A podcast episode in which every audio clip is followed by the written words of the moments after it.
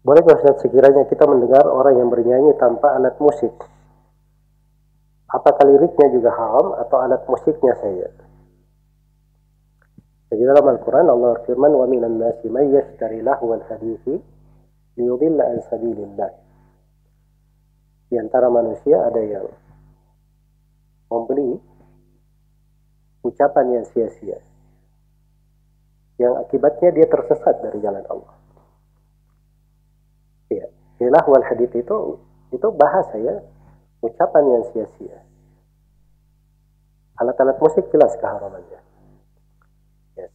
Apa yang dinyanyikan, kalau dari sudut makna, maknanya adalah makna yang bagus, mengandung semangat misalnya membuat suara lebih uh, apa namanya semangat beribadah dari sudut makna maka itu bisa didengarkan kadang-kadang di waktu di waktu hari raya Idul Fitri atau di acara pernikahan atau di keramaian perkumpulan tertentu yang sifatnya kegembiraan iya bisa dilakukan tapi kalau tidak maka itu hendaknya dia tinggalkan.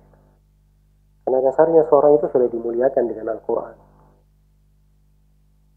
Dia mendengar pada selain Al-Quran, itu bisa memalingkannya.